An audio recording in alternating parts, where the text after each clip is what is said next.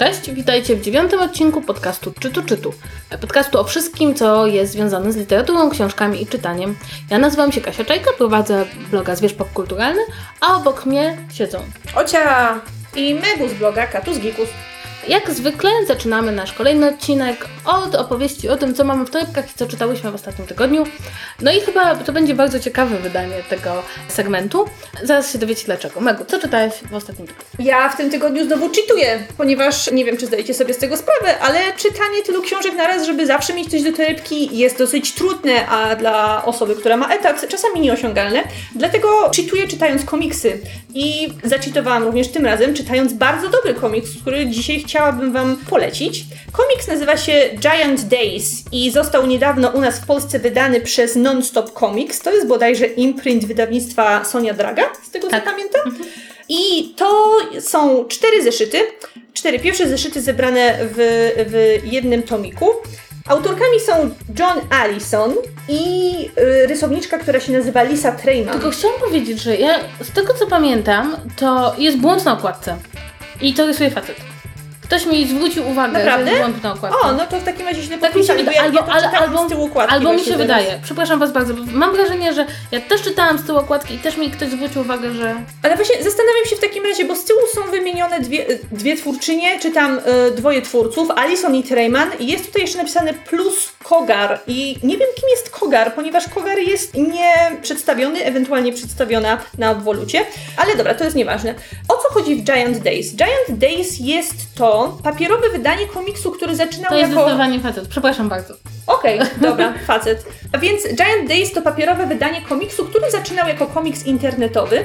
Opowiada o przygodach trójki dziewcząt, które zaczynają college w Wielkiej Brytanii. Jest Daisy, która jest nieśmiała, ma burzę rudych loków i okulary i ma problemy z nawiązywaniem kontaktów z innymi ludźmi, dlatego ma tylko te dwie przyjaciółki i współlokatorki, bo one e, mieszkają razem ze sobą. Jest Esther, która jest taką bladą gotką, która rozsiewa wokół siebie atmosferę tajemniczości i magnetycznego przyciągania dla facetów, ponieważ dużo osób się w niej podkochuje.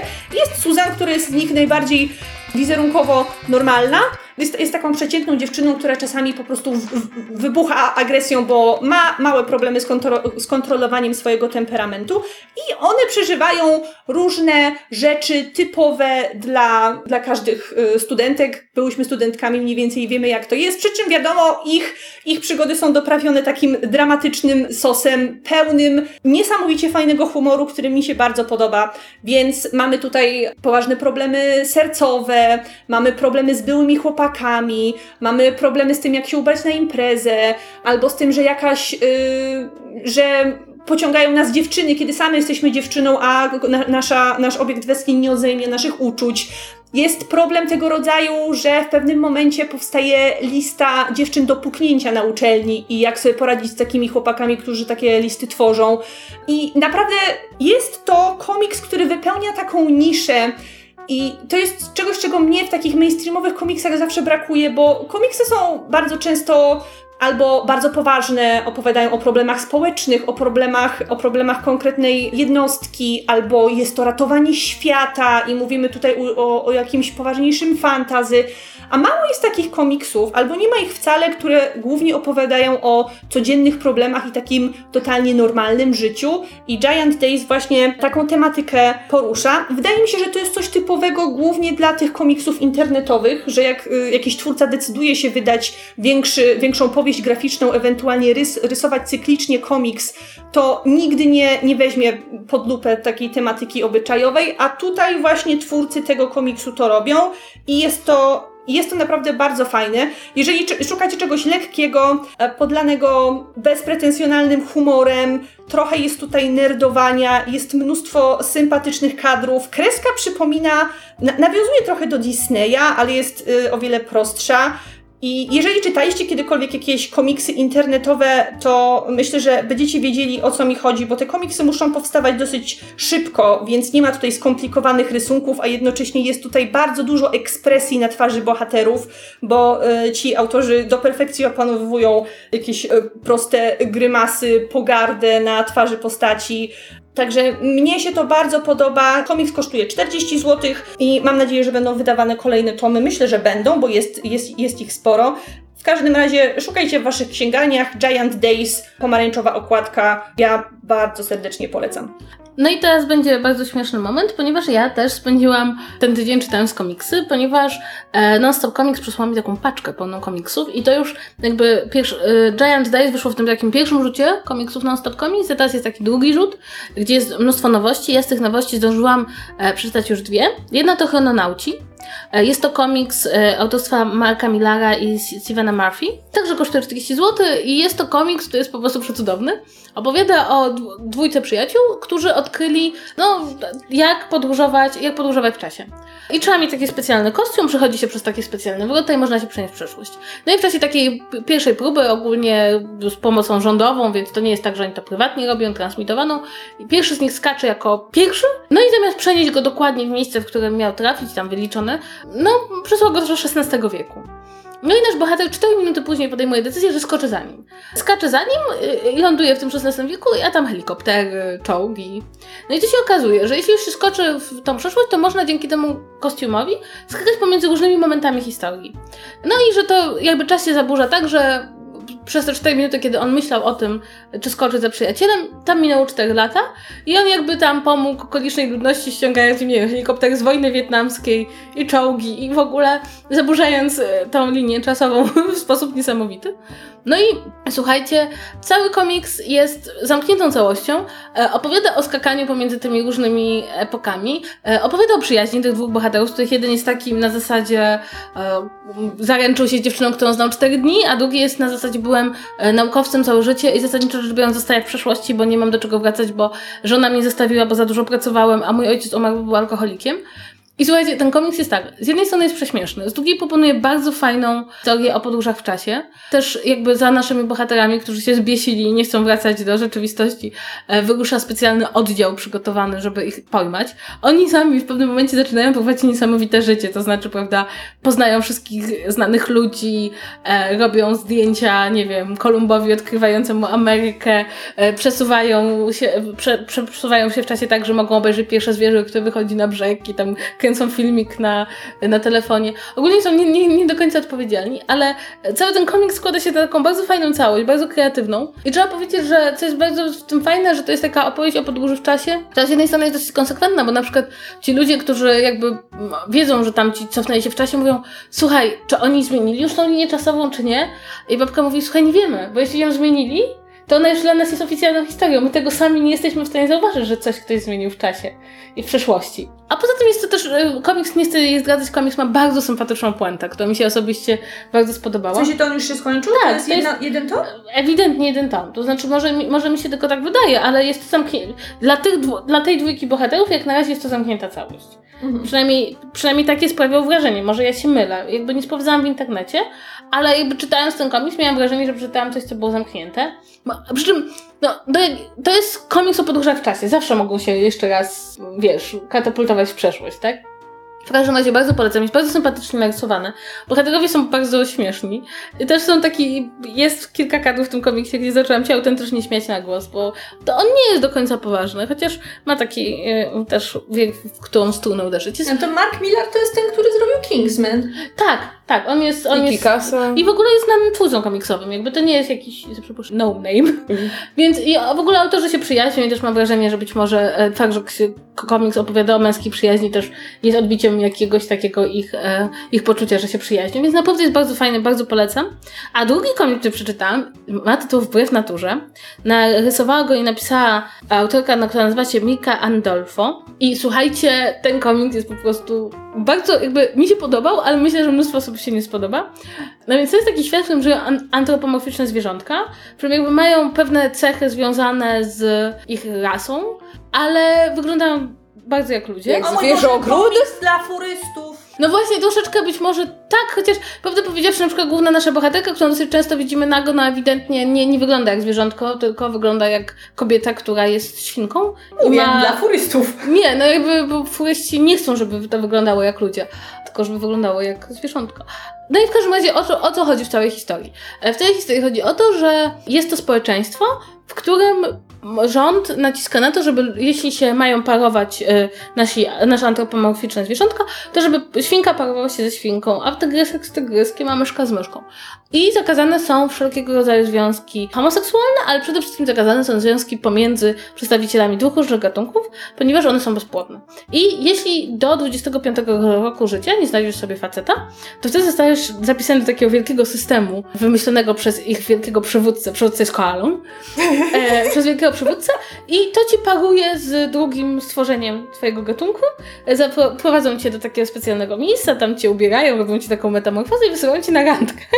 No i ogólnie rzecz biorąc jest takie, że jeśli ci się ta druga osoba nie spodoba, jeśli chcesz zostać sama, to płacisz jakiś straszny podatek.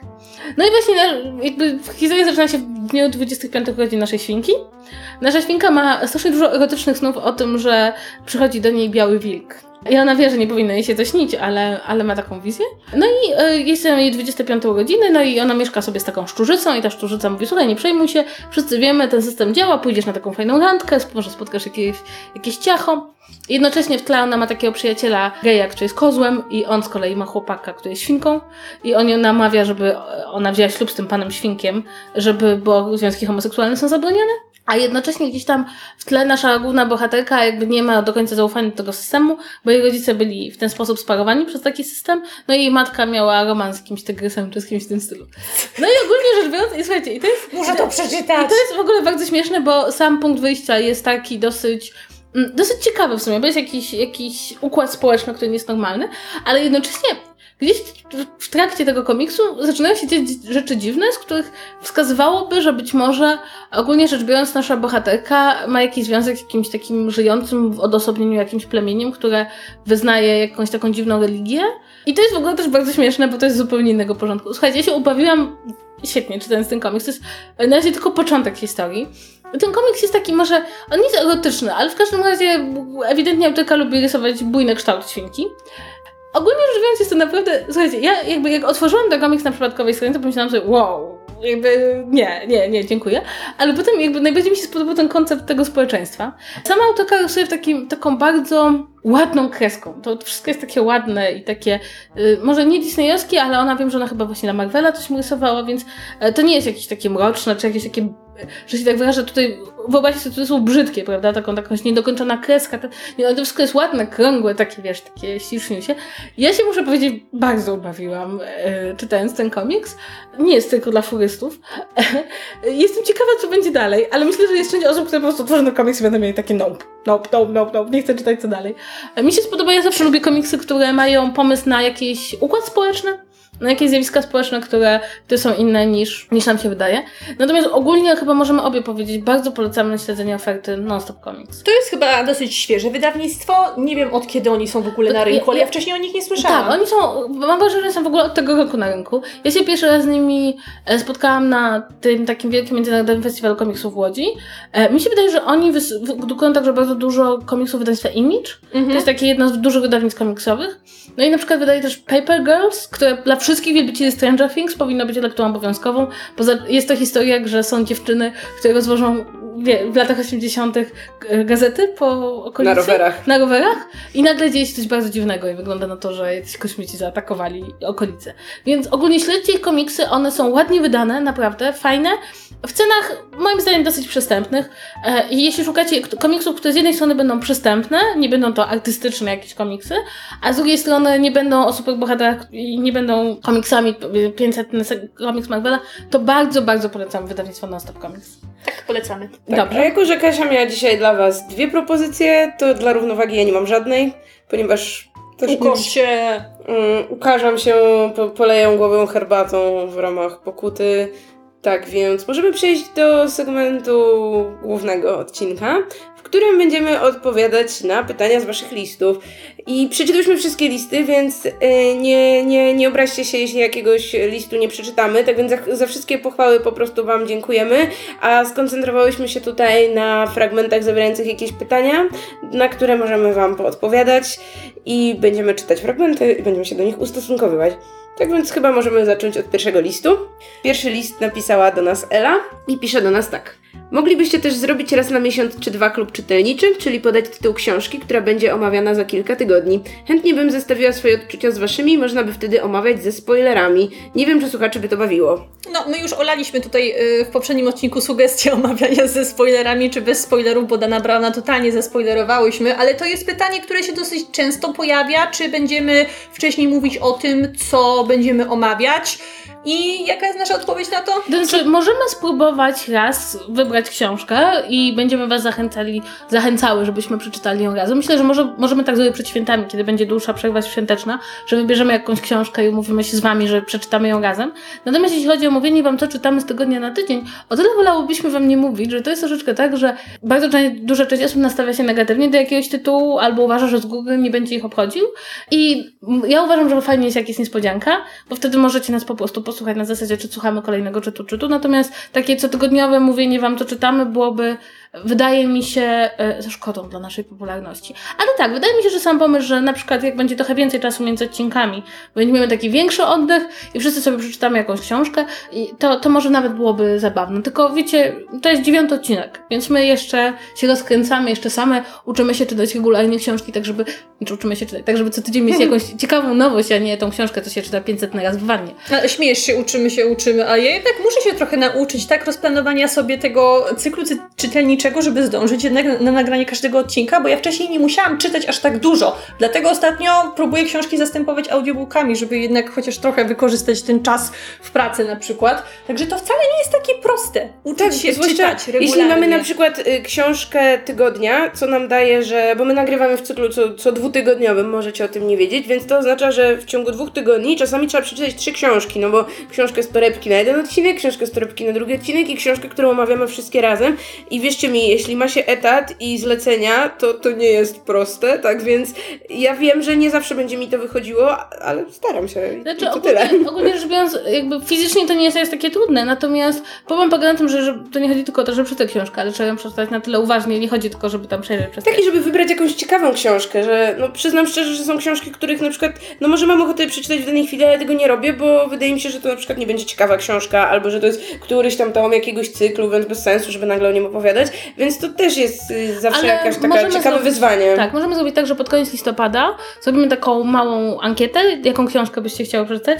Wybierzemy 3 czy 4 tytuły, wybierzemy je tak mniej więcej do połowy listopada i umówimy się, że po świętach sobie o nich pogadamy w takim małym klubie czytelniczym. I jeśli to się uda, to może będziemy to robili raz na jakiś czas. Tak, a co do tego y, jeszcze, co na bieżąco czytamy, to my wam czasem dajemy wskazówki, więc jeśli jesteście dobrymi detektywami i social media ninja, to będziecie wiedzieć, co czytamy. Musicie bo nas część- obserwować. Tak, musicie obserwować nasze fanpage, musicie obserwować nasze profile, albo możecie też obserwować, e, niektóre z nas mają konto, na przykład w serwisach czytelniczych i tam widać, co czytamy, więc to nie jest aż takie trudne. Dobra, przechodzimy do następnego maila. Następnego maila dostałyśmy od Sławka. Sławek pisze: Czy mógłbym Was prosić o wypowiedź na temat książki Pauli Hawkins, Dziewczyna z pociągu? Jestem bardzo ciekawy spojrzenia na książkę od strony kobiecej. Osobiście słuchałem książki w audiotece i bardzo cierpiałem. Może to było spotęgowane przez sposób czytania, jednakże wydawało mi się, że przemyślenia głównej bohaterki były bardzo puste, głupie, naiwne, a nawet sprzeczne.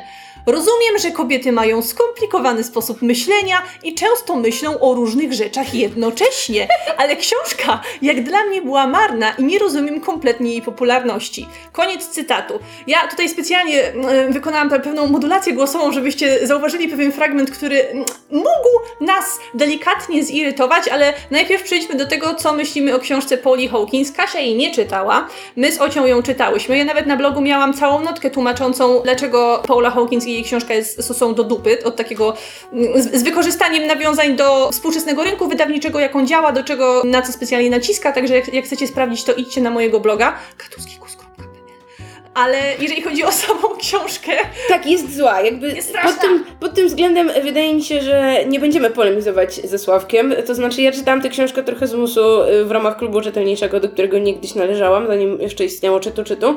I o mój Boże, ta książka była napisana fatalnie. Bohaterka była niesłychanie irytująca. W ogóle twisty i to, to co w ogóle się w tej książce działo, no, no to był koszmar. I właśnie widać było, że to jest książka, którą ktoś bardzo chciał wypromować na bestseller, że jest taka pisana od sztancy, że tak celowo ma tu zaszokować albo zaskoczyć czytelnika.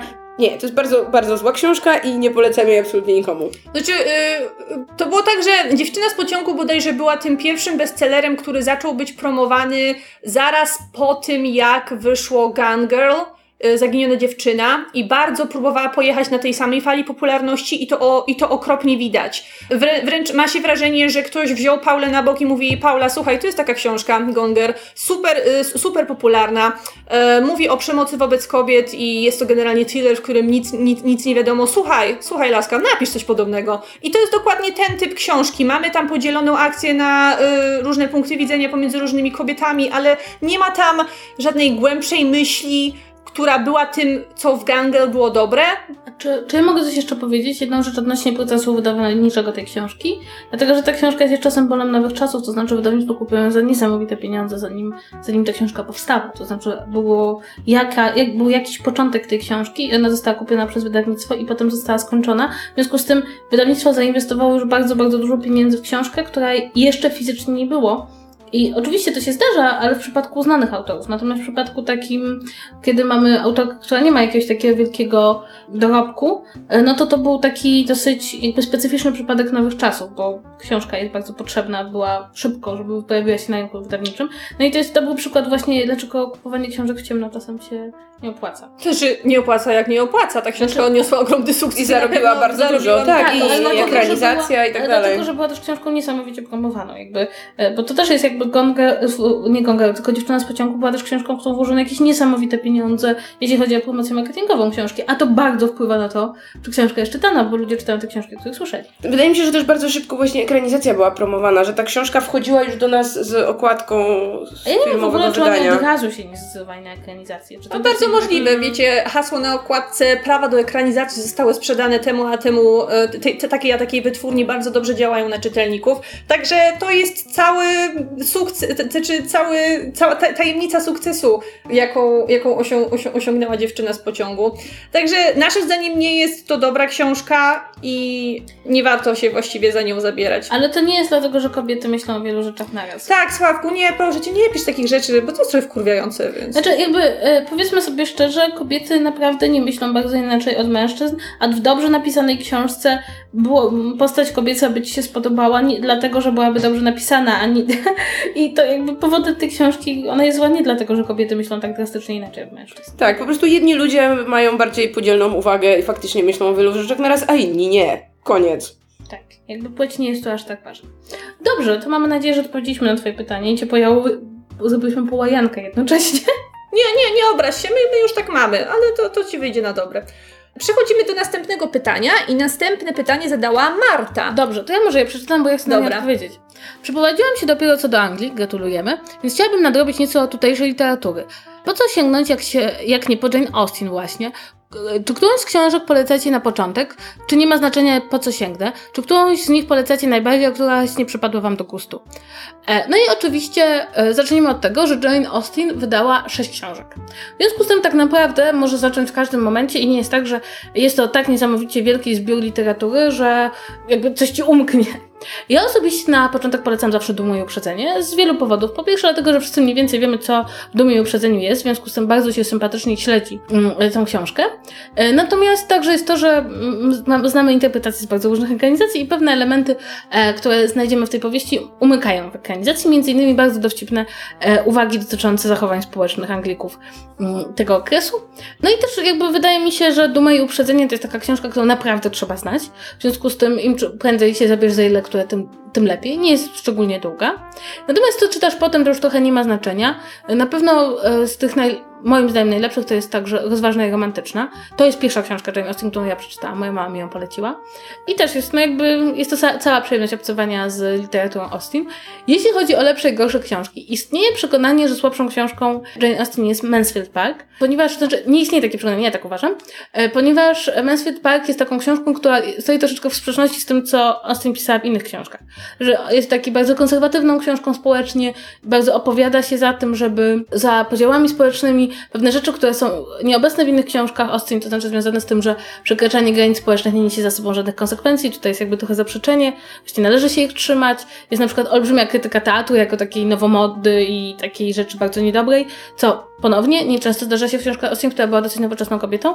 I jakby niektórzy uważają, że Męstwie Park jest arcydziełem. Ja uważam osobiście, że to jest tam nieudana książka. Natomiast osobiście bardzo polecam też przeczytanie opactwa Northanger, która jest takim bardzo zabawnym, bardzo zabawną książką, w której znajdziemy e, krytykę dziewczyn, które sobie za dużo wyobrażają po tym, jak naczytały się powieści gotyckich. I to jest taki cudowny pojazd po mm, takich fanger. I myślę, że e, bardzo to polecam poczytać i wyobrazić sobie, że te dziewczyny, które wtedy czytały powieści gotyckie, miały mniej więcej podobne reakcje jak dziewczyny, które czytały Zmierzch wiele lat później. Ale ogólnie rzecz biorąc, jeśli chodzi o Jane Austen, tych książek jest sześć. W związku z tym, zanim, zanim zdążysz pomyśleć sobie, o mój Boże, jak cudownie czytam książkę Jane Austen, to te książki się e, skończą. Natomiast co byśmy polecały na długie, deszczowe angielskie wieczory, to może ja coś jeszcze, bo dodam do tego, że jeśli już e, czytać angielską klasykę, to ja bardzo, bardzo polecam spróbować poczytać Dickensa. O Boże, dokładnie mam to samo w głowie. Bo jakby to jest, to jest taka, to są takie książki, które, one są duże, one są takie, że wchodzisz w ten świat, jest bardzo dużo postaci. Czyta się to, to nie są książki do, do czytania na, na jeden wieczór, tylko zaprzyjaźnia się z tymi postaciami, przy, przyzwyczaja się do nich. E, Do tego wszystkiego jakby Dickens jest wciąż bardzo, bardzo ważnym punktem odniesienia w kulturze brytyjskiej, w związku z tym e, odnoszą się do niego i fabuły filmów i w ogóle ludzie jakby wiedzą, co mniej więcej Dickens napisał, a jednocześnie to są takie przyjemne książki, bo Dickens pisał dla ludzi. To był, to był autor, który zdecydowanie lubił popularność i pisał dla, dla ówczesnych Brytyjczyków, ale dzisiaj także jakby e, taka fajna książka Dickensa, taka czytana przez tydzień, e, to jest, to jest naprawdę duża przyjemność, więc ja na przykład osobiście bardzo, bardzo polecam czytanie Dickensa. Tak, bo Dickens napisał w sumie też dosyć dużo książek, więcej niż Jane Austen, więc może ja bym na przykład konkretnie mogła polecić Wielkie Nadzieje, bo wydaje mi się, że to jest książka, gdzie na przykład spostrzeżenia na temat ludzi są bardzo aktualne i to nie jest tak, że to jest taka opowieść o XIX wieku i, i to tyle, ale można z niej tak więcej też wynieść Nasz dla siebie. przyjaciel jest też bardzo dobry. A jeśli, bo nie piszesz nam też, że tak powiem, jakie gatunki lubisz, yy, więc jeśli na przykład chciałabyś spróbować klasycznego angielskiego kryminału, możesz spróbować Wilkiego Collinsa, który nie jest szczególnie znany u Tak, nas, a był wielkim, tak, kamień księżycowy. No i Collins jako przyjaciel Dickensa na pewno by się ucieszył, że ktoś czyta też jego, a nie tylko jego bardziej popularnego kolegę. A do tego wszystkiego Wilkie Collins w swoim kamieniu księżycowym wprowadził nowy zabieg w literaturze kryminalnej, którego nigdy nie było wcześniej, znaczy nie do końca wiarygodnego e, Narratora. narratora. I także bardzo polecam Białą Damę. Biała Dama też jest super. To jest kolej takie, taka historia, w której e, naszym, naszemu narratorowi wydaje się, że wie więcej niż naprawdę wie. Ogólnie Wilkie Collins jest cudowny i jakby czytać go należy na zasadzie taką myślą, o mój Boże, ktoś wymyślił coś nowego w, powieści mm, kryminalnej, e, więc tak, więc ojej, może powinniśmy zrobić w ogóle kiedyś cały... Tak, taki, cały... taki, taki odcinek o Collinsie i Dickensie. O, O, Boże, tak, tak. E, Dobrze. To ja będę miała problem, bo ja nie czytałam żadnego. No to w takim razie możesz Będziesz mieć okazję Dobrze, to następny list. Następny list mamy od Ewy. I Ewa pisze do nas tak. Chciałabym zapytać, czy w podcaście zamierzacie poruszyć temat Eleny Ferrante i jej cyklu napolitańskiego Genialna Przyjaciółka. Szczerze mówiąc, trochę liczyłam, że to nazwisko pojawi się już przy okazji pseudonimów. Cały cykl to ponad 2400 stron, a więc trochę czytania jest, ale przez to tak bardzo mogłam zżyć się z bohaterami, że po skończeniu książki czułam się dziwnie. A książka jest moim zdaniem bardzo ciekawa, na pewno niewybitna, ale jednak ma w sobie to coś. Mi bardzo trudno było ją ocenić, może wy byście mi pomogły.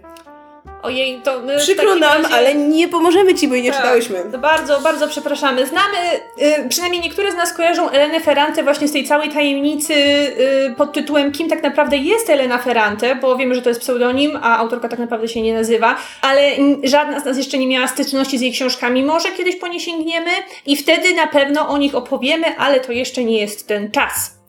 Natomiast jeszcze dodając jedną rzecz, to tak, po pierwsze, e, po większości książek człowiek się czuje dziwnie, zwłaszcza jak je czytał trochę dłużej, to ma takie wrażenie takiej pustki, co ja Tak, teraz zrobię z moim... cyklu, tak, co ja zrobię z moim życiem.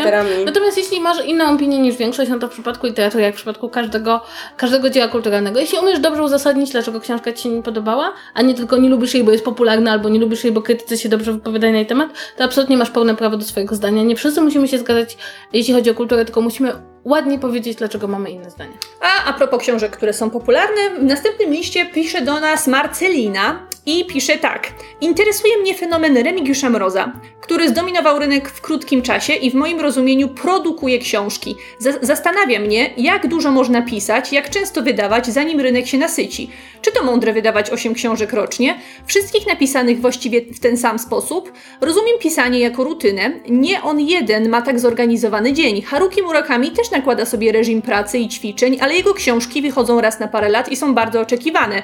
Gdzie książki Mroza wydają się być kolejną, niewiele znaczącą premierą. Osobiście ja jego książki czytam, prawdopodobnie dlatego też, że znam go prywatnie, chodziliśmy razem do liceum i czuję wewnętrzny obowiązek, ale nie mogę jednoznacznie przyznać, że te książki są wybitne. Pomyślałam, że może to mógłby być temat na odcinek, jak znaleźć złoty środek na rynku wydawniczym nie za dużo, nie za mało. Czy wybitni pisarze są wybitni też dlatego, że może nie publikują zbyt często, a ich książki są wyczekiwane. Na koniec, ja myślę o książkach w dosyć artystyczny sposób, że ktoś miał natchnienie, idealny pomysł, nad którym długo pracował. W przypadku taśmowej produkcji, gdzie jest miejsce na artystyczną twórczość? I ja myślę, że y, na to pytanie o twórczość Remigiusza Mroza odpowie Ocia, ponieważ ona miała z jego książkami dosyć dużą styczność. Ja nie czytałam ich w ogóle, nie wiem jak Kasia. ja czytałam czytałam pięć. jedną. Ja czytałam pięć, ale wszystkie były z jednego cyklu, e, o którym słyszałam, że jest najlepszym cyklem, dlatego po nie sięgnęłam. I książki Mroza mają taką serialowość w sobie. To znaczy, no nie da się ukryć, że jak się już te książki czyta, to tak, one są wciągające, one gdzieś tam przywiązują cię do bohaterów i one, jedna taka powieść to jest powiedzmy jak sezon serialu, no gdzie jest ten początek, gdzie jest wprowadzenie sytuacji, potem jest to rozwinięcie, gdzie co jakiś czas zdarza się jakiś cliffhanger, po czym jest ten koniec, gdzie wyjaśnia się tajemnica danego sezonu, ale w tych ostatnich pięciu minutach pokazują wam jakby to, co będzie w kolejnym sezonie, jest jakiś taki gigantyczny cliffhanger, z którym autor nas zostawia, po to, żebyśmy sięgnęli po drugi tom.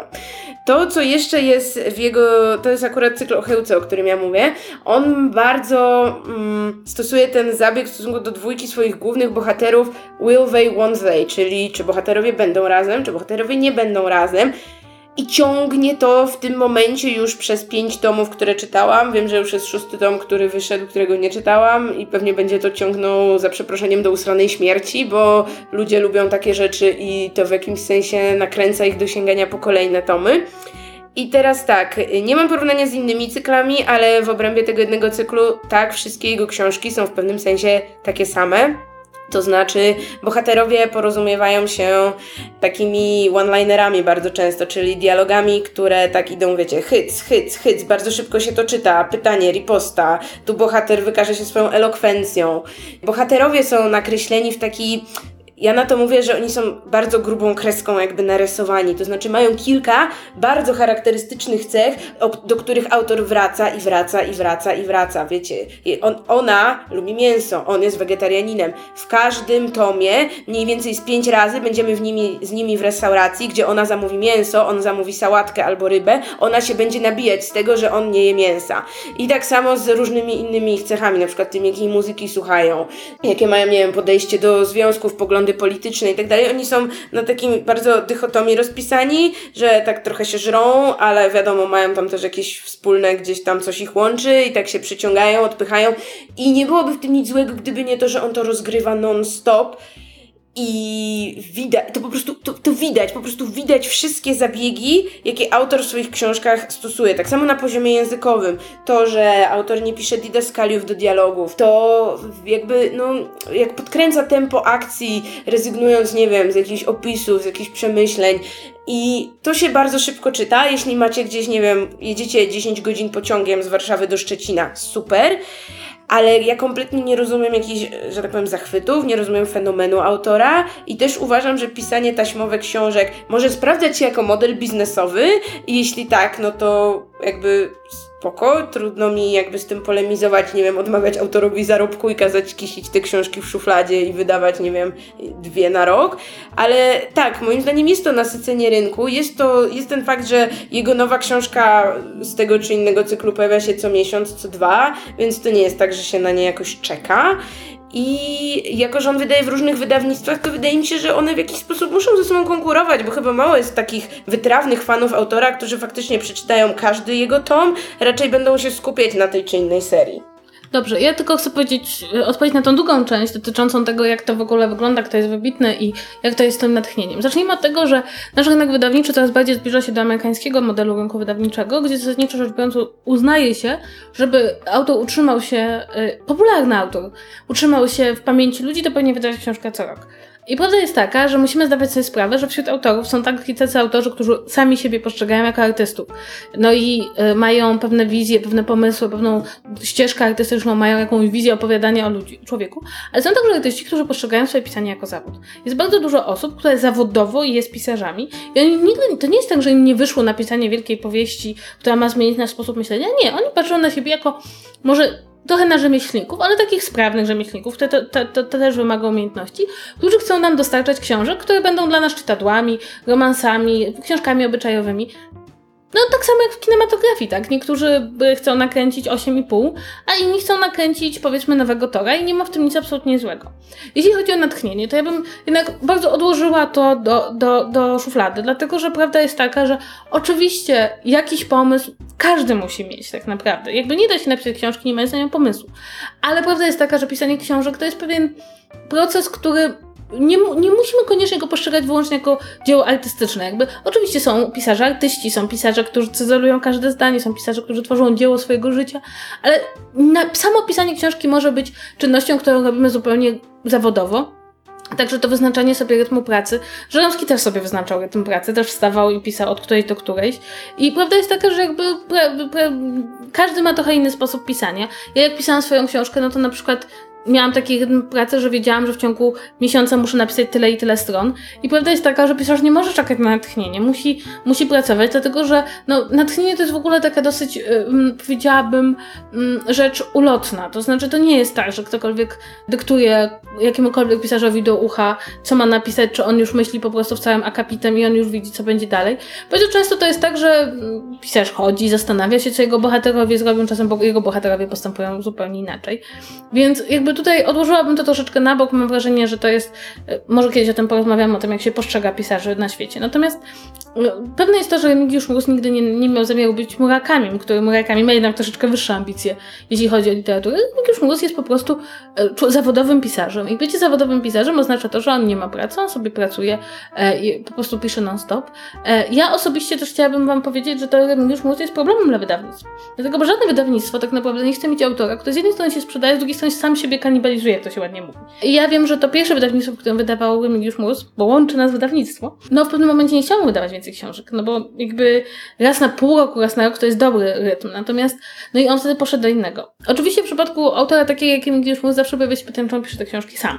I jest taka wielka spiskowa teoria, że część on pisze sam, a część mu ktoś pomaga. To znaczy na zasadzie takiej, że powiedzmy on ma pomysł na książkę, tak zwany treatment, a ktoś tam tą książkę wypełnia słowami zgodnie z... No, to jak ten cały Patterson bodajże w USA, ten taki autor mm. tych thrillerów czy powieści sensacyjnych, ja, który ja, wydaje chyba trzy w chciałabym, roku. Ja bym chciała powiedzieć, bo ja nie wiem, czy on tak robi, jakby nie, bo równie dobrze są ludzie, którzy potrafią pisać non-stop. Tylko jakby to też wydaje mi się, że być może byłoby dobrze, gdyby ktoś podszedł do Remigiusza i powiedział mu, że, że zamiast pięciu książek lepiej napisać jedną. Ale jeśli te pięć się trochę sprzedaje, to jest bardzo trudno powstrzymać autora, żeby ich nie napisał. Z tego co ja wiem, to on ma w ogóle zawsze w szufladzie 10 napisanych książek, które może, mm, może podrzucić.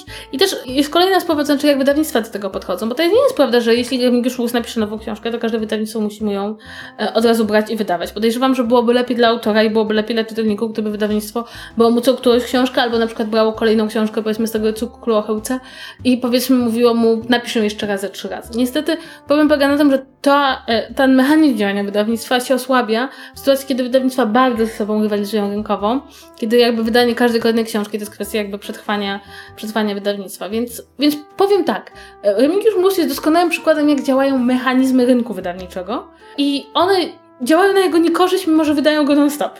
Natomiast to, jak postrzegam pisarzy, może byłoby fajnym takim odcinkiem, bo, bo to jest tak, że nie każdy pisarz jest artystą. Jest wielu pisarzy, ja znam takie pisarki polskie, które piszą opowieści obyczajowe, które uważ, nie uważają się za artystki. One się uważają za, za, za osoby, które pracują w branży pisania książek. Tak samo jak podejrzewam, nie wszyscy reżyserzy odci kolejnych odcinków serialu uważają, że są artystami i mają, myślą, że och, no to jeszcze te pięć odcinków i będę kręcić jak Fellini. No, no nie.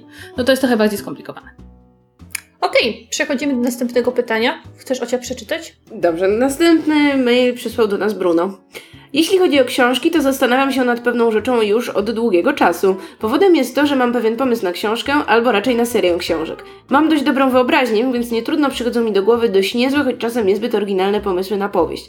Niestety mam dopiero 15 lat i nie jestem pewien, czy udałoby mi się napisać wystarczająco dobrą książkę, by odniosła sukces. Zastanawiam się, czy w moim wieku dałoby się napisać i wydać książkę na tyle dobrą i interesującą, żeby spodobała się czytelnikom. Ciekawi mnie także to, jak właściwie się do tego zabrać. Słyszałem już o młodych pisarzach, więc ciekawi mnie to, czy może poradziłbym sobie z takim wyzwaniem.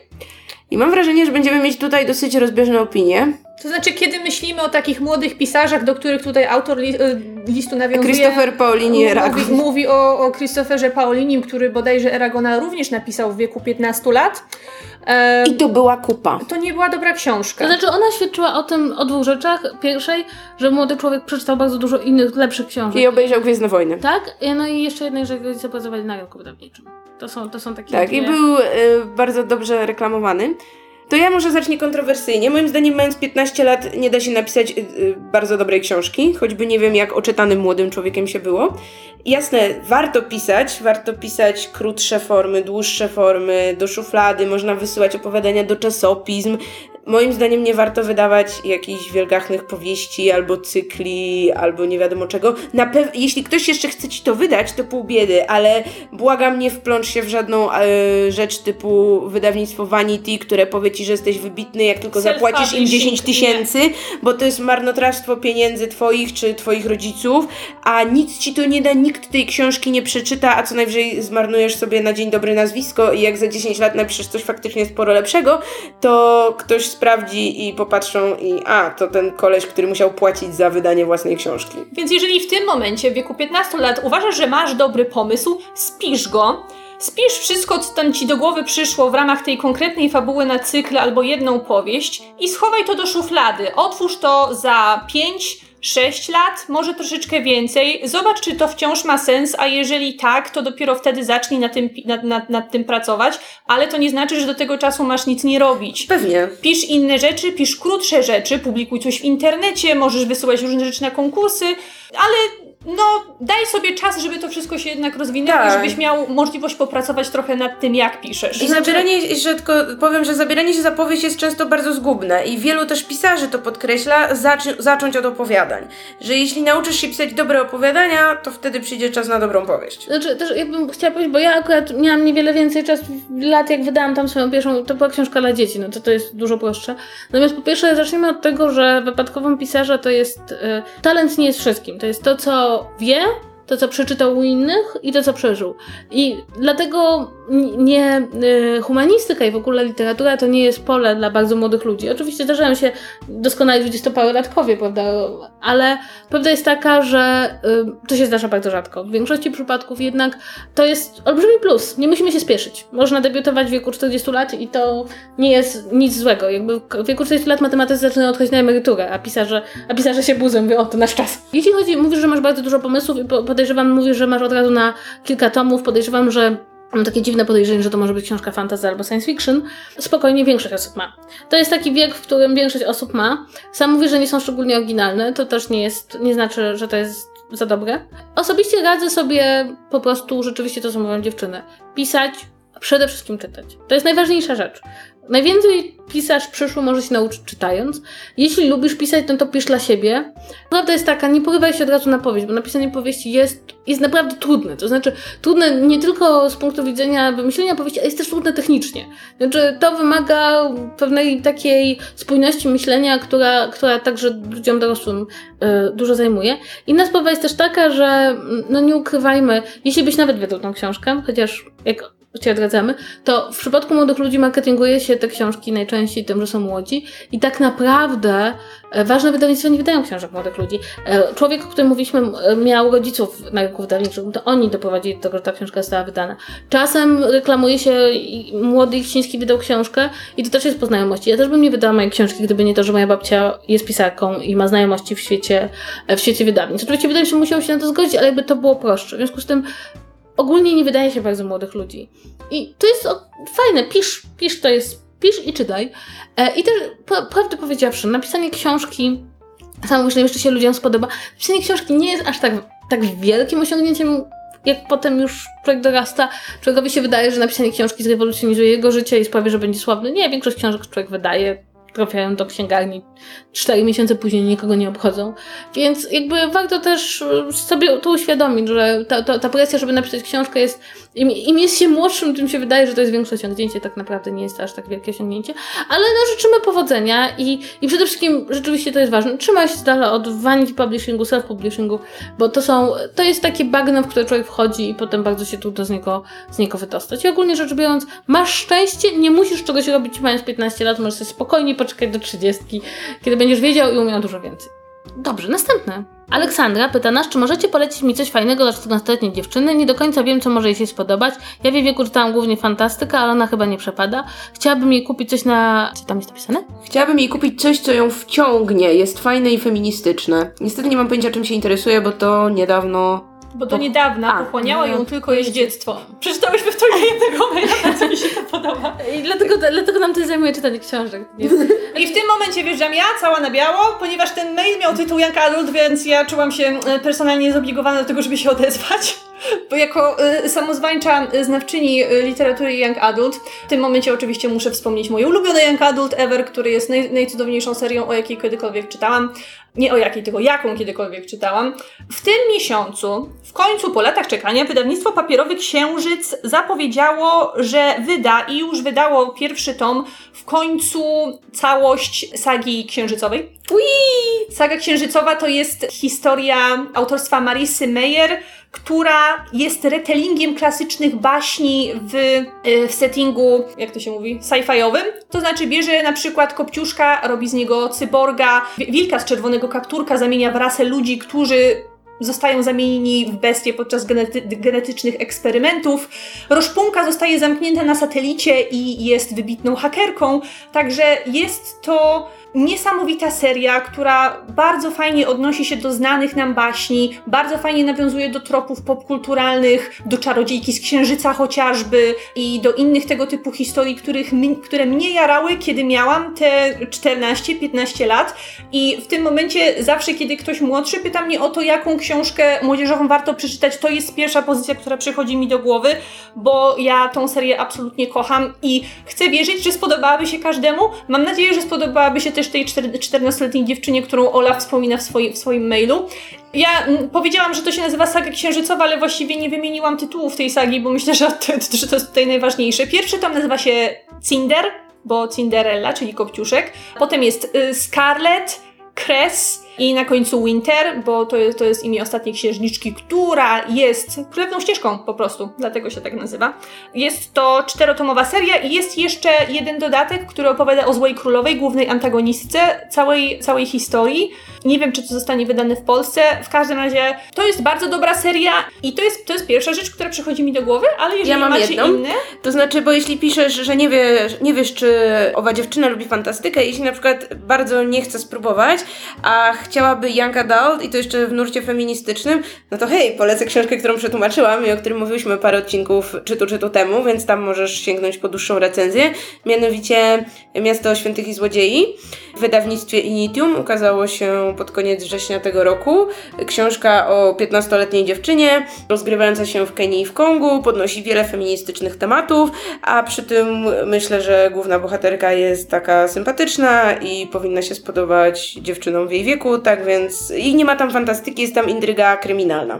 Mi- Mimo wszystko ja wciąż uważam, że Hunger Games, Igrzyska Śmierci są całkiem fajną, cał- całkiem fajnym cyklem i ja mnie sprawił dużo przyjemności i myślę, że dziewczyna w takim wieku też spokojnie może go Czy ja mogę przeczytać. jeszcze polecić, to się nazywa Rozaj Park, tak? E, Rainbow. A, Jest to, jest to Eleonora. Eleonora i Park. Jest to bardzo, bardzo moim zdaniem fajne young adult, które nie, nie posiada żadnych elementów science fiction e, i opowiada o, o takiej dosyć nieoczywistej przyjaźni, która powstaje i takiej pierwszej miłości między trójką ludzi w szkole średniej. Jest to, moim zdaniem, to jest coś, co ja uwielbiałam czytać, jak byłam w tym wieku, ten opowieści obyczajowe, w których zasadniczo rzecz biorąc nie dzieje się nic bardzo przełomowego, ale opowiada to o emocjach związanych, nie wiem, z tym, jak pierwszy raz chłopak weźmie na zaręcz rękę i to jest, i rzeczywiście te emocje są tam opisane świetnie, to znaczy ja czytając tę książkę przypominałam sobie trochę tych moich nastoletnich emocji, więc może dla... I, i jest do tego wszystkiego książką taką społecznie świadomą, czyli ma jakby, nie, nie, nie jest, świat naszych bohaterów nie jest światem pozbawionym problemów, a te problemy, na które napotykają, wydaje mi się, że też jest fajne, bo są takie uwrażliwiające społecznie. I jest to po prostu moim zdaniem świetna książka dla młodych ludzi, właśnie taka, w której się tak naprawdę nic wielkiego nie dzieje, tam nie ma żadnych kosmitów, ani nie ma żadnych y, igrzysk śmierci. E, są emocje, uczucia i problemy rodzinne i wydaje mi się, że to też jest fajne, żeby powiedzieć, że bardzo wielu młodych ludzi lubi takie książki właśnie, w których trochę się nic nie dzieje, tylko po prostu jest opisane życie, które mogą porównać ze własnym. Więc ja z kolei właśnie, i w ogóle książki ja imponowała są, są takie dosyć... Tak, ja czytałam jeszcze Fangirl, tak, i też wydaje mi się dosyć- ciekawa. tak, Mimo, że już przyzwoite. opowiada o trochę starszej młodzieży, bo oni są w ale e, wydaje mi się, że też jak najbardziej 14-latka mogłaby przeczytać. Tak, więc wydaje mi się, że chyba, chyba to są nasze takie polecanki. Przy czym też jakby chciałybyśmy powiedzieć, że to jest też taki dosyć moim zdaniem duży problem przy polecaniu książek, dlatego że to, że dziewczyna ma 14 lat, to jeszcze nie znaczy, że nie wiem, psychologicznie czy pod względem gustu będzie odpowiadała innym 14-latkom, No prawda? niektórzy w tym wieku czytali y, poważne fantazy, które my czytamy teraz, no łykali Wiedźminy i inne Ja, ja byłam rzeczy. po Władcy Pierścieni, po Wiedźminie. No ja Wiedźmina przeczytałam, ja przeczytałam Wiedźmina jak miałam 12 lat. No, dlatego nie, nie wykluczone, że spodoba się jej również coś, co no, normalnie jest przeznaczone y, jako, y, jako literatura dla dorosłych. Ba, jeśli piszesz, że lubi jeździectwo, to ja w jej wieku przeczytałam Zaklinacza Koni i też nie zniszczył mi mózgu, więc... Tak, i za Czemu nie? jest całkiem, całkiem w porządku. Znaczy, jakby można go przeczytać. Nie, no też główna bohaterka jest młodą dziewczyną, Mm. więc, więc to też jest jakiś plus. I chyba, chyba w ogóle jest cała takie dział literatury końskiej, prawda? To takie jeszcze XIX-wieczne powieści, prawda? Ten czas. Ale są też y, powieści dla młodszych. Nie chciałabym powiedzieć młodszych dziewczynek, ale właśnie wydaje mi się, że targetem są takie dziewczynki w okolicach y, 10-14 ro- roku życia. To się bodajże nazywa Heartland. To jest taka, taki cykl takich bardzo lekkich historyjek o, o przygodach dziewczyn, które pracują na pra, pracują w stadninie koni i jakie tam swoje młodzieńcze przygody przeżywają e, właśnie e, po, po, poprzetykane tą opieką nad koniami, bo konie to najwyraźniej jest coś, co, co, co, co jara e, małe dziewczynki, także, także może, może jeżeli szuka czegoś le, lżejszego, to coś takiego by jej spasowało. No, więc jakby życzymy powodzenia w szukaniu lektury. Jeśli, jeśli się coś spodoba, to chcemy wiedzieć, co się spodobało, to wtedy będziemy mogły polecić więcej. Tak, i nasz ostatni mail w dzisiejszym segmencie od Martyny. Witam, jakie są Wasze ulubione książki psychologiczne? Lubicie czytać o narkomanach, wspomnienia i tym podobne? Jeżeli tak, to jakie? Czytałyście coś Brandona Sandersona? To Więc jest a, jak coś to Bra-. Brandon Sanderson nie odnosi się do literatury psychologicznej o narkomanach. Ja zacznę... Znaczy, narkomani, przecinek wspomnienia, to, to dla mnie są takie... Nie, to, no, może chodzi o wspomnienia Różne. narkomanów. My właśnie- Dzieci z Zoo jest jakby takim, jest takim typowym przykładem. No Ja zresztą pamiętam, jak czytałam Dzieci z Zoo i byłam po prostu No ja czytałam Pamiętnik Narkomanki niesamowicie poruszona. i, i ja, ja to za bardzo przeżywałam, dla, dlatego... Znaczy dla mnie było w ogóle to nie niesamowite, jakby myślę, że może podeszłam, to ja byłam tak, miałam naście lat, jak przeczytałam Dzieci z dworca Zoo i w ogóle cały to broń narkotyków mnie w ogóle nie interesowało, najbardziej byłam przerażona tym porządkiem społecznym wschodnich Niemiec. I to mnie właśnie tak pamiętam najbardziej chyba przerażającą wizją, jaka tam była, to, że jest blokowisko, na którym jakby nie ma za dużo zieleni, tylko wszystko jest bebetonowane i ta główna bohaterka, która mieszka bardzo wysoko, na bardzo wysokim piętrze, jakby jak jest moim dzieckiem, to nie dąży do toalety, właśnie za długo jedzie, jedzie wino i pomyślałam sobie, Boże drogie, jakie nieludzkie budownictwo. Jakby chyba nie zauważyłam tego głównego wątku. E, natomiast ja powiem szczerze, ja nie lubię literatury psychologicznej. Ja też nie. Właściwie co to jest literatura psychologiczna? Mówimy o Pruście, czy o Nie, czym? nie, chyba mówimy o książkach, które są w jakiś sposób dotyczą psychologii człowieka i dotyczą, może nie są poradnikami, ale dotyczą tego, jak działa nasz mózg, jak myślimy, co, jakieś te wszystkie sekrety umysłu i, i bo myśl lepiej, albo, albo to chyba o to chodzi. Bo jeśli- Ewentualnie powieści psychologiczne, ale to wtedy... A wciąż jest to tak powieść psychologiczna jest- Ja myślę, że bo są takie książki psychologiczne, prawda, jak, jak się uczymy, jak myślimy, jak postrzegamy świat. Ja tego bardzo nie lubię z dwóch powodów. Po pierwsze, ja w ogóle mam olbrzymi problem ze wszystkimi książkami typu wytłumaczę ci, jak myślisz i wytłumaczę ci, jak działa ludzki umysł, ponieważ uważam, że większość z nich y, sprowadza pewne teorie naukowe związane z psychologią człowieka do zbyt prostych wytrychów i zbyt łatwych mechanizmów. A to wiąże się z tym, że obaj moi bracia, jeden już skończył psychologię, drugi nadal ją studiuje. Ja się w, mam jakby w swoim otoczeniu non stop ktoś mówił o psychologii właśnie z takiego punktu widzenia, że ta pop psychologia i ta psychologia, której oni, oni się uczyli i studiowali, to są takie troszeczkę dwie różne, różne rzeczy i ludzie wymagają od psychologii pewnych łatwych wytrychów i takich jednoznacznych odpowiedzi dotyczących tego, jak myśleć. Ja tego bardzo nie lubię. Wierzę w psychologię, to nie jest tak, że ja nie wierzę w tę naukę, ale nie, bardzo nie lubię jej popowej nowego wydania, prawda? Tak samo jak ja nie czytam popularnych książek historycznych, tak? Bo dostaję szału. To, e, Także z, z powieściami psychologicznymi chyba nie pomożemy. Tak, natomiast jeśli chodzi o wspomnienia narkomanów, no to ja po tych moich dzieci z dworca ZO nie miałam poczucia, że, że muszę czytać i w ogóle jakby nałogi mnie nie interesują, być może dlatego, że mam tu niesamowity plus, że, e, że jakby nigdy nie miałam wokół siebie nikogo, kto by na jakiś nauk szczególnie cierpiał poza moją matką, zależnie od książek. Tak, ja dodam tylko, że ja generalnie nie czytuję raczej takich książek o smutnym, codziennym życiu, bo szukam w książkach raczej albo eskapizmu, albo czegoś ciekawszego o przyszłości, tak więc nie czytam smutnych wspomnień narkomanów i raczej, raczej się to nie zmieni. A co do Brandona Sandersona, to ja przyznam szczerze, że nie dałam mu może zbyt wielkiej szansy, ale zaczęłam czytać, yy, zaczęłam słuchać audiobooka Elantris, bo czytał go akurat mój ulubiony lektor i odpadłam po jakichś 10 minutach, więc może jeszcze kiedyś do tego pana wrócę, ale nie prędko. Ja myślę, że w Brandonie Sandersonie mam tutaj największe doświadczenie, bo przeczytałam całą trylogię Z mgły zrodzony? o całą trylogię z mgły, z, z mgły Zrodzonej i tą pierwszą cegłę, którą można mordować Chihuahua, czyli Krąg Burzowego Światła. Archiwum burzowego Archiwum światła. Burzowego Światła, tak, widzicie, już nawet nie pamiętam jak to się nazywało. I powiem tak, Brandon Sanderson jest bardzo płodnym autorem w takim sensie, że on pisze cegły. To od razu trzeba, to od razu trzeba powiedzieć na samym początku. Jeżeli chodzi o z mgły zrodzonego, pierwszym tomem byłam absolutnie zachwycona. Ja sięgnęłam po tą książkę i w momencie, kiedy ją skończyłam, pierwsze, pierwsze czy o, ostatnie 200 stron skakałam po pokoju, rzucałam książką o ścianę i nie mogłam wytrzymać, bo byłam nią tak niesamowicie poruszona i tak niesamowicie ją przeżywałam. Także ta część mi się strasznie podobała. Podobało mi się to, że tam był romans, podobało mi się struktura tego świata, sam pomysł na system magiczny, jaki tam, jaki tam występuje. Także pierwszą część mogę ogromnie polecić. Niestety te następne części tego samego cyklu już są odrobinę gorsze i mam, wra- mam wrażenie, że autor troszeczkę recyklingował własne pomysły, nie wiem właściwie, nie wiem właściwie po co i niepotrzebnie cały cykl przedłużał. Y, Równie dobrze, jak dla mnie można, można skończyć czytanie z mgły zrodzonego na pierwszym tomie i nie czytać dalszych części, bo to wbrew pozorom również fajnie służy jako zamknięta jednotomowa powieść.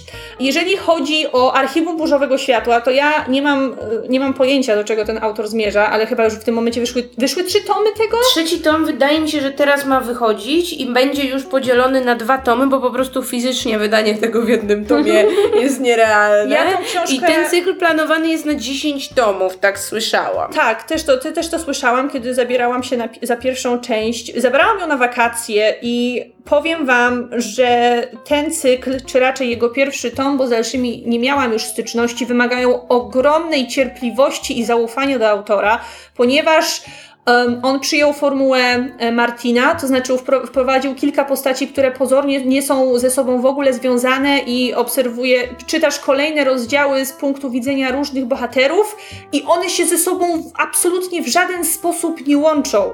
I dopiero na samym końcu, po 1300 stronach, nagle te wszystkie narracje łączą się w jedną i ty dopiero wtedy rozumiesz, o co chodziło autorowi przez całą Czyli książkę. to, to jest taki prolog do kolejnych tomów. Tak, ale i, i ja doskonale rozumiem ludzi, którzy po prostu nie dali rady przez to przebrnąć i odpadli, bo ja na przykład przeczytałam ten pierwszy tom, ale po dalszy już nie sięgnęłam, bo ja nie mam cierpliwości ani czasu do tego, żeby dawać się tak e, emocjo- emocjonalnie wykorzystywać. Także w ostatecznym rozrachunku ja myślę, że to się opłaca, bo ja nie uważam, że Sanderson jest złym pisarzem, on po prostu strasznie się rozwleka i właściwie nie wiem po co. Widać, że nim kieruje trochę taka potrzeba zostania tym wielkim pisarzem fantastyki, który pisze tak, pisze tak tak, żeby mieć kolejny, epicko. wiecie, kolejny cykl po, nie wiem, Malazańskiej Księdze Poległych albo po Kole Czasu, który zresztą Sanderson dokańczał po śmierci Jordana. Ja wiem, że jest dużo ludzi, którzy Sandersona bardzo nie lubią. I ja nie zawsze się z nimi zgadzam, bo naprawdę z mgły zrodzony zachwycił mnie na tyle, że zawsze będę miała do autora wielki szacunek i y, będę mówiła, że on pisze całkiem nieźle, a mógłby pisać krócej. To i to jest, y, no, to jest taka Sanderson pisze pan coś, nad czym, nad czym mógłby popracować. A wiedziałaś w ogóle o tym, że te wszystkie jego książki, chyba Elantris też z mgły zrodzony, to Archiwum Burzowego Światła, one są połączone jednym, jed, jed- jedną postacią? To jest taki. y, cho- chodzi o to, że to się dzieje niby w jednym uniwersum, Okej. ale w różnych wymiarach i jest jedna postać, która przeskakuje przez, pomiędzy tymi wszystkimi książkami. To mi się wydało strasznie fajne i wydało mi się takim, to takim czynnikiem zachęcającym do przeczytania jednak te, te, tego wszystkiego, ale po głębszym namyśle stwierdziłam, że nie, ja nie dam rady. Wiem za to, że Elantris, mimo że to miał być taki standalone, to będzie drugi tom. Nie wiem, czy już jest, czy zaraz będzie, ale nie pamiętam za, za Chiny, czy to jest sequel, czy prequel, ale jedno z tych dwóch. Tak więc coś tam dalej powstaje. Jest też ta jego książka Stop Prawa, która chyba dzieje się w tym samym uniwersum, ale w kolejnej epoce, ileś lat do przodu. E, to znaczy, on napisał bardzo dużo książek, które się dzieją setki lat po tym, co się wydarzyło w Mgły Zrodzonym. Mhm, i to to jest chyba po całym tych. końcu tej trylogii. Więc generalnie, jeśli ktoś lubi długie, takie rozbudowane cykle fantazy, to może spróbować, ale ja chyba już jestem za stara. I ja przez cały czas nie mogę wyjść z podziwu nad tym, że y, nikt jeszcze nie pochylił się nad ekranizacją jego książek. Przynajmniej nad e, ekranizacją Serialowo Mgły chyba, Zrodzonego. Y, Tak. Kiedyś były prawa sprzedane jakiejś pomniejszej wytwórni. One były sprzedane już chyba 10 lat temu i one po 6 czy 7 latach wróciły z powrotem do autora, bo film nie został nigdy zrobiony, więc w tym momencie one są wystawione na sprzedaż i jeżeli ktoś y, się na to zdecyduje, to Brzmimy jak ludzie, ej słuchajcie, kupcie prawa.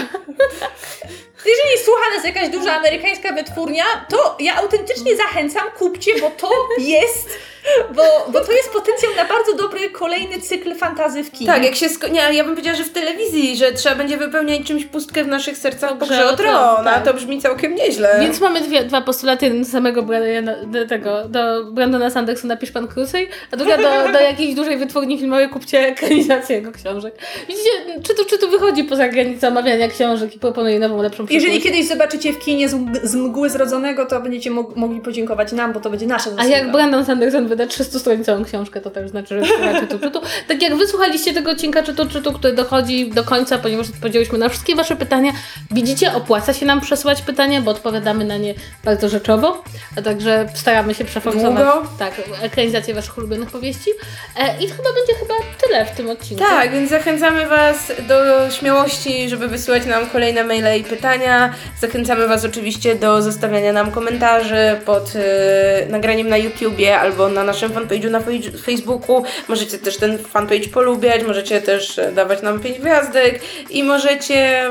Co jeszcze możecie? A, możecie pisać maile na czytu czytomałpa podsłuchane.pl I my na niego odpowiemy kiedyś. I to wszystko w tym tygodniu. Do zobaczenia. Pa, pa. Do usłyszenia, tak. Pa, pa. Cześć.